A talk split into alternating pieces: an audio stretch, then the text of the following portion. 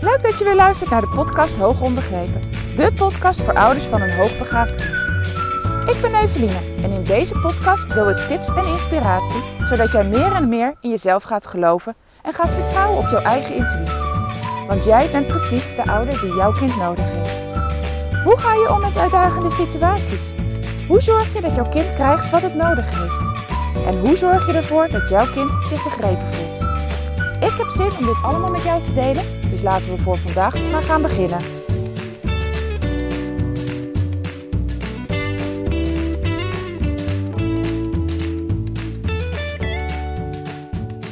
Leuk dat je weer luistert naar een nieuwe aflevering van deze podcast. Vandaag ga ik het met je hebben over een vraag die een aantal maanden geleden aan mij gesteld is en waar ik van had aangegeven ik zal daar een podcast over opnemen, maar waar ik nog niet aan toegekomen was. Ik kreeg via de DM van Instagram kreeg ik een berichtje van een moeder die mij vroeg. Nee, die zei tegen mij: uh, Eveline, ik luister heel graag je podcast. Zou je alsjeblieft een keer een podcast willen opnemen over het verschil tussen uh, verbale intelligentie en performale intelligentie? En ik heb aangegeven, nou tuurlijk, dat wil ik zeker doen. Um, ik heb het ook op Instagram gedeeld dat ik het zou gaan doen. Maar door alles wat er de afgelopen maanden gespeeld heeft rondom onze zoon, was ik er gewoon nog niet aan toegekomen. Want ik wilde er echt even voor gaan zitten. Dus bij deze. Ik ga wel gelijk aangeven dat ik met deze moeder al verschillende keren contact heb gehad. Dat ik weet dat ze ook bepaalde stappen heeft gezet. Dus dat ook de nood niet meer zo hoog was om deze vraag te beantwoorden. Um, maar als ik eenmaal iets beloof, dan wil ik het ook nakomen. Ook al duurt het soms eventjes, ik kom er dus op terug. Verbaal performaal. Dat heeft te maken met, nou, nou laat ik zeggen, dit zijn oude begrippen die voortkomen uit de WISC 3. De WISC 3 is een intelligentietest waarvan ik mag hopen dat die in Nederland echt niet meer gebruikt wordt, omdat die echt verouderd is. Dat geeft absoluut geen betrouwbaar beeld meer van een kind.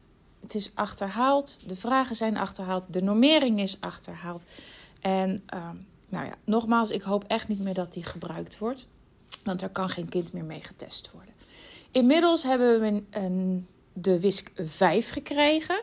De WISC 4 is overgeslagen. Die is wel in Amerika uitgekomen, maar elke nieuwe, of elke test die ze in Nederland willen uitbrengen, moeten ze en vertalen en uh, normeren naar Nederlandse normen. Dat is altijd een heel tijdrovend proces.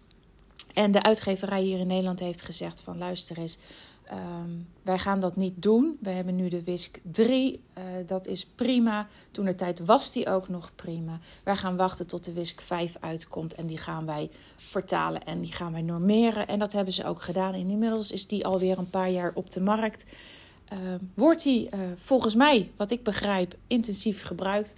Als je mijn podcast beluistert, weet je ook dat ik daar uh, een beetje een, ha ja, een haat-liefdeverhouding mee heb. Aan de ene kant weet ik, het is een een goed instrument um, die veelvuldig gebruikt wordt. Hij is ook uh, Cotan goedgekeurd. Uh, heeft een heel normeringsproces ondergaan. Alleen ik vind hem niet altijd even geschikt voor het testen van vermoedelijk hoogbegaafde kinderen. En dat heeft met een aantal zaken te maken, waaronder uh, het feit dat er tijdsdruk op zit, waaronder het feit dat, er, uh, ja, dat de opbouw in moeilijkheid ja, heel langzaam gaat, waardoor ze kinderen nog wel eens kunnen afhaken. Um, en de normering uh, die gedaan is, is voornamelijk gericht geweest op gemiddeld begaafde, of tenminste kinderen die op gemiddeld niveau functioneren, cognitief gezien. Uh, wat maakt dat die in mijn ogen nog wel eens uh, naar het gemiddelde trekt als er hoge, ja, als je wat hogere IQ's verwacht. Dus in mijn ogen geeft het niet altijd een betrouwbaar beeld van wat een kind daadwerkelijk kan.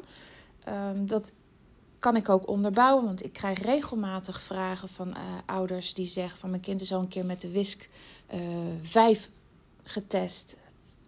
Het is er niet helemaal uitgekomen, het is er niet uitgekomen. Of er is zelfs het tegenovergestelde uitgekomen. Wat denk jij, zullen we nog een keer opnieuw moeten testen? Nou, ik denk dat als jij als ouder twijfelt Um, en met de test die gedaan is, je kind ja, niet recht gedaan wordt, dat het goed is om je kind opnieuw te laten testen. En ik doe dat dus ook regelmatig. En ja, dan blijkt ook dat er met de kikt, die ik dus wel, uh, waar ik dus wel fan van ben en veel gebruik, ja, dat er gewoon een betrouwbaarder beeld uitkomt. Waarin ouders ook zeggen: Ja, zie je, dit, dit had ik eigenlijk ook wel voor mezelf in gedachten. Als ik het afzet tegen, nou, waar je het dan ook tegen af wil zetten. Vaak is dat tegen broertjes of zusjes. Nou, dat even terzijde. Uh, de WISC 3, daar komen dus die begrippen verbaal, performaal uh, vandaan. Ik wijd een beetje uit, sorry daarvoor. Um, maar ook dat zijn dus oude begrippen. Even voor de beeldvorming. Wat bedoelen ze nu met verbaal en wat bedoelen ze nu met performaal? Bij verbaal hebben we het over alles wat met communicatie te maken heeft. Dus uh, alle gesproken woorden. Dus kan het kind zichzelf goed onder woorden brengen? Kan het dingen uitleggen? Kan hetgene wat ze opgepakt hebben uit de omgeving ook toepassen? En begrijpen ze ook wat er bedoeld wordt? Begrijpt, begrijpen ze ook wat er uh, gezegd wordt tegen ze? Nou, als we even kijken naar de uh, WISC 5. Um, daar wordt nog steeds naar het verbale gedeelte gekeken. Het wordt alleen nu verbaal begrip genoemd. Dan gaat het over een stuk woordenschat. Het gaat over begrijp jij wat ermee bedoeld wordt als uh, de onderzoeker iets tegen jou zegt? Kan je dat uitleggen? Kan je dat in je eigen woorden vertalen naar hetgene wat ze ermee bedoelen? En ook uh, overeenkomsten. Dus welke woorden uh, hebben een overeenkomst? Waarin zijn ze ja, waarin kan je ze aan elkaar linken? Even zo kort gezegd. Dat is het verbale gedeelte. Het performale gedeelte, daarin bedoelden ze het handelende gedeelte. Dus waar kinderen vaak een handeling moesten verrichten en waar ze vanuit logica dingen moesten oplossen. Er werd dus echt actief iets van hen verwacht. Um, dat stuk zit ook nog steeds in de WISC 5. Alleen dat is nu opgesplitst naar fluïde redeneren. Daar gaat het dus heel erg over logisch denken en abstract redeneren. En naar visueel ruimtelijk inzicht. Waar het voorheen dat beide performaal genoemd werd, is dat nu gesplitst. Even om het beeld helemaal compleet te maken. Bij de WISC 5 kijken ze ook nog naar werkgeheugen en uh, verwerkingssnelheid. Daar zijn in totaal 14 subtests uh, op basis van zeven subtests wordt het totaal IQ berekend. Nou, nogmaals, ik gebruik binnen de praktijk het liefst uh, de KICT, de KICT Plus, K-I-Q-T Plus. Dat is de kinderintelligentietest, die speciaal ontwikkeld is door ook door Nederlandse ontwikkelaars, speciaal ontwikkeld is voor het testen van uh, vermoedelijk meer of hoogbegaafde kinderen. En daarbij, bij die test, kijken we echt alleen maar naar uh, het abstract denken, logisch redeneren, het visueel ruimtelijk inzicht.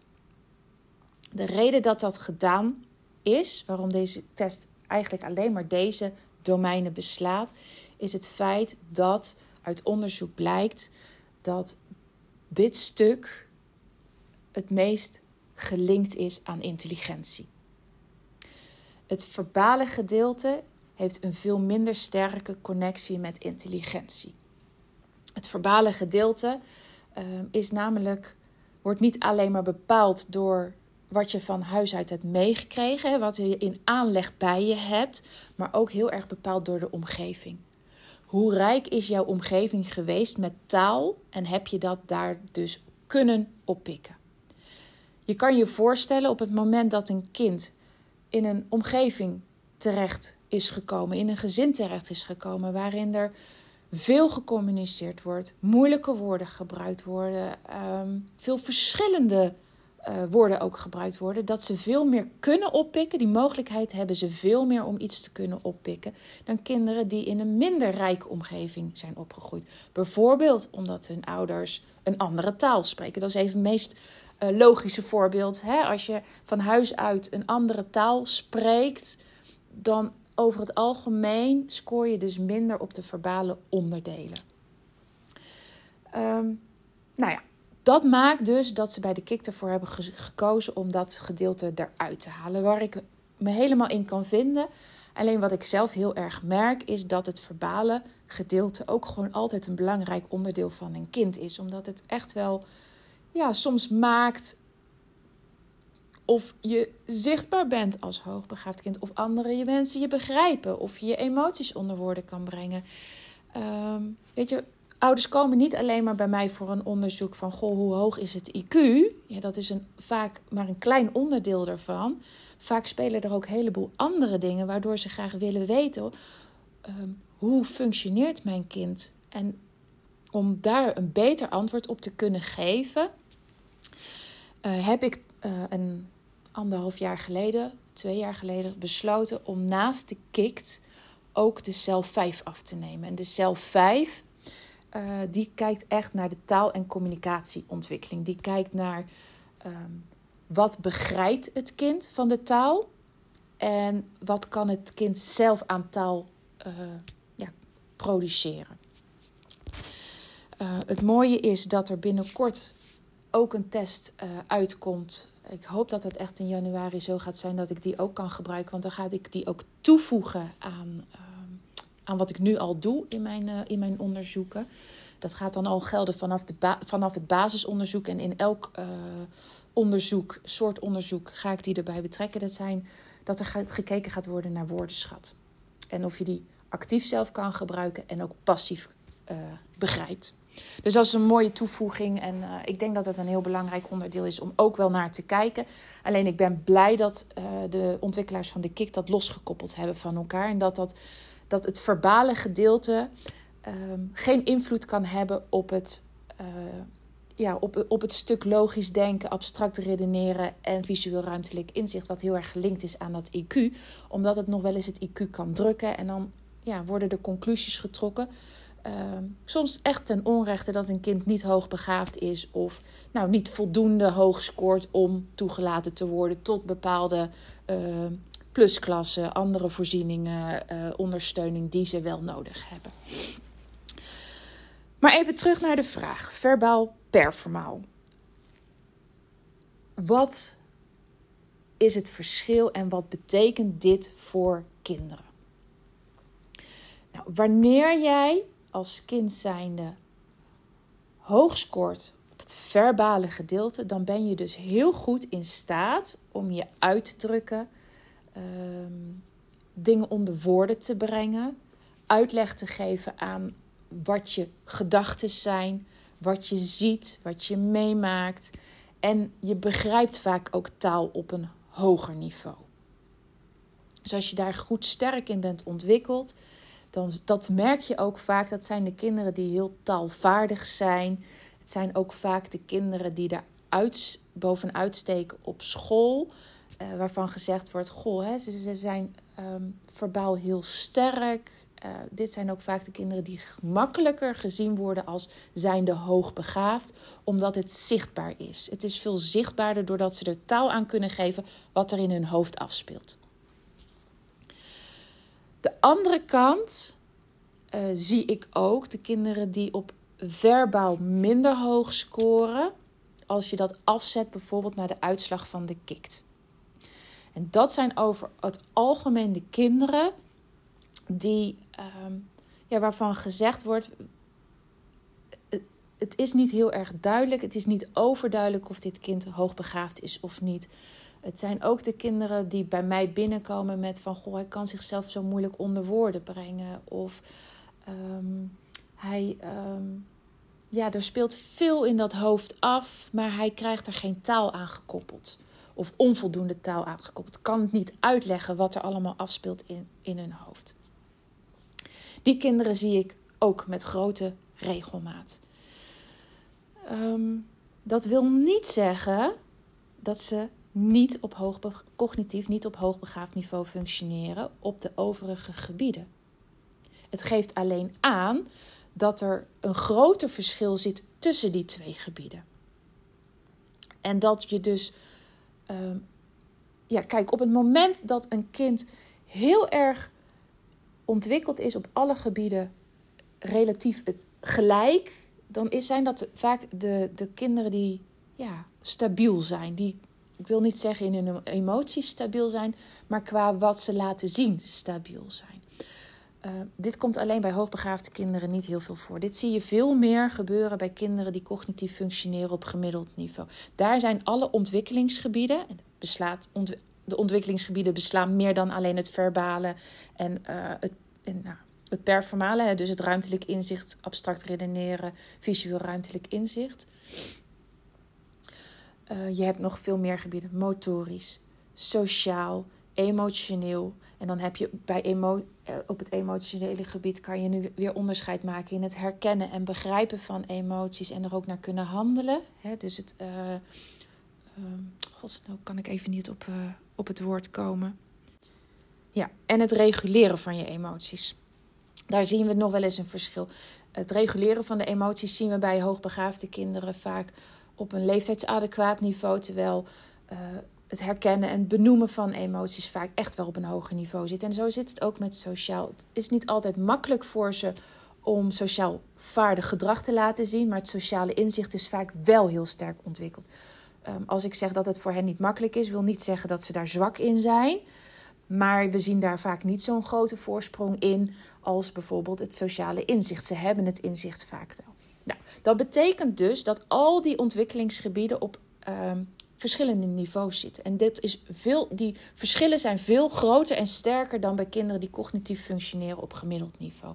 En dat noemen we dus ook wel een asynchrone ontwikkeling.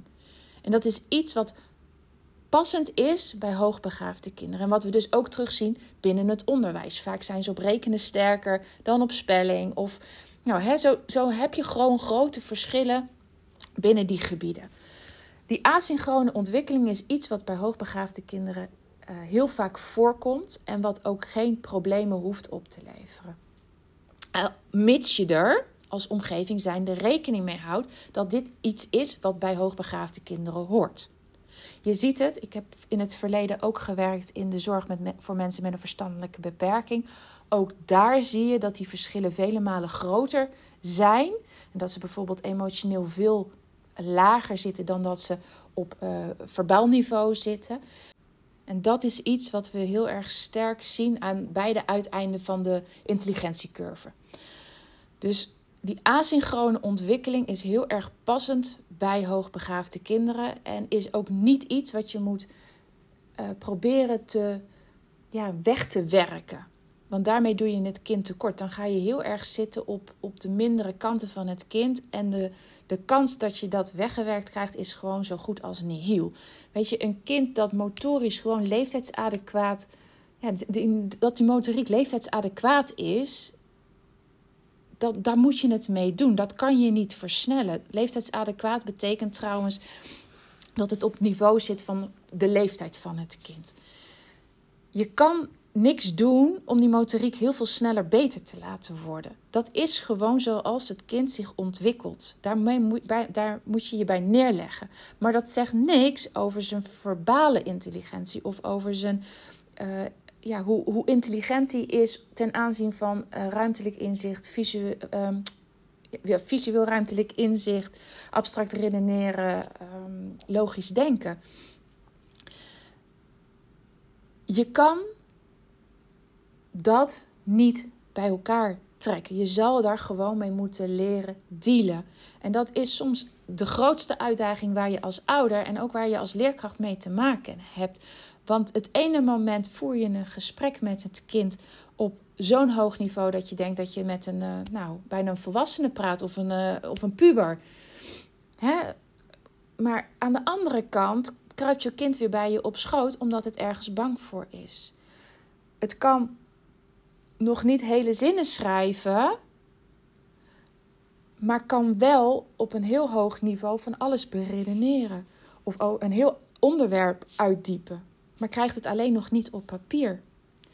Dus het is iets waar wij, waar, waar wij als ouder en waar wij als leerkrachten, ik ben dan geen leerkracht, maar waar leerkrachten echt van ja, van moeten weten dat dit iets is wat bij die ontwikkeling hoort en dat het geen doel op zich mag zijn om dat recht te trekken. En dan is heel erg de vraag van Hoe ziet die ontwikkeling van jouw kind eruit? Nou, zo'n intelligentieonderzoek doet die eerste stappen. Die maakt dan ook dat je uh, al het verbale stuk in, in, in, inzichtelijk krijgt. Die maakt ook dat je het andere deel inzichtelijk krijgt. Um, je zou eventueel zo'n test uit kunnen breiden naar het sociale en het emotionele ontwikkeling. Heb je daar ook wat meer zicht op. Dan ga je een kind steeds beter begrijpen. En dan ga je ook zien, goh, waar, waar is het sterk in? Waar is het minder sterk in? Waar kan ik iets van verwachten? Waarin kan, moet ik mijn verwachtingen bijstellen? En moet je continu bij aansluiten? Daar kan ik geen algemene tips over geven. Nou ja, in zoverre, als we, wat ik bijvoorbeeld momenteel veel zie, is dat ehm, het abstract denken, logisch redeneren, uh, visueel ruimtelijk inzicht vaak op hoogbegaafd niveau ligt, maar dat het verbale gedeelte ehm, vaak iets lager ligt. En als binnen dat verbale gedeelte dan ook nog eens ehm, het taalbegrip, dus begrijpen wat er gezegd wordt, hoog is, maar het onder woorden kunnen brengen uh, wat lager is, ja, daarvan kunnen we zeggen, deze kinderen, daar speelt ontzettend veel bij in hun hoofd, maar ze kunnen het nog niet onder woorden brengen. En dat kan best wel een uitdaging bieden, want daarmee wordt het ook niet altijd voor de buitenwereld inzichtelijk wat ze daadwerkelijk aan, aan mogelijkheden hebben. En voor een kind natuurlijk ook heel, heel frustrerend. Dus heb jij een kind wat daartegen aanloopt en heel veel frustraties heeft, omdat het maar niet onder woorden kan brengen of niet niet op zo'nzelfde niveau onder woorden kan brengen, dat is misschien beter geformuleerd. Want vaak zit het, het verbale gedeelte ook echt wel boven het gemiddelde. Maar het zit vaak net niet op hetzelfde niveau als het andere gedeelte. Dus dan kunnen ze het vaak niet op hetzelfde niveau onder woorden brengen als dat ze bedoelen. En dat kan frustratie opleveren. Nou, en als je dat nou eenmaal weet, dan kan je daar ook naar gaan handelen. Dan kan je dus je kind gaan helpen met dingen onder woorden brengen. Van joh, bedoel je dit? Of ik wil je heel graag begrijpen. Probeer het me nog een keer uit te leggen. En dat je dan tussen de regels gaat proberen door te lezen. Ehm, dus dat zijn wel dingen die, die je heel erg kunnen helpen. Maar die, het belangrijkste wat ik naar je wil overbrengen is dat die asynchrone ontwikkeling er eenmaal is. En dat dat prima is en dat je daar eigenlijk over het algemeen niet zoveel mee hoeft. Behalve als je ziet dat je kind ergens in strukkelt, in vastloopt. En dat het dan heel erg kijken is van oké, waar ligt dat dan aan? Waar, waardoor komt het dat het op dit stuk zo struggelt? En waar moet ik hem eventueel aanvullen omdat zijn ja, zijn brein ver genoeg ontwikkeld is, maar dit stukje net niet helemaal nog is meegegroeid. Nou, ik hoop dat ik je hiermee uh, voldoende uitleg heb kunnen geven. Zoals ik eigenlijk altijd afsluit, is dat niet het geval. Heb je nog vragen? Geen probleem, stel ze mij. Je kan mij het beste uh, een berichtje via Instagram DM sturen. Um, eh, wil je liever mailen omdat je geen Instagram hebt? Dat is ook prima. Mail me dan even op het uh, e-mailadres wat ik in de beschrijving van de podcast uh, heb gezet. En dan hoop ik ja, wat van je te horen als het niet duidelijk is. Maar eigenlijk hoop ik dat ik voldoende duidelijk ben geweest. Hey, ik wens je een hele fijne dag nog en we spreken elkaar snel weer. Doei doei!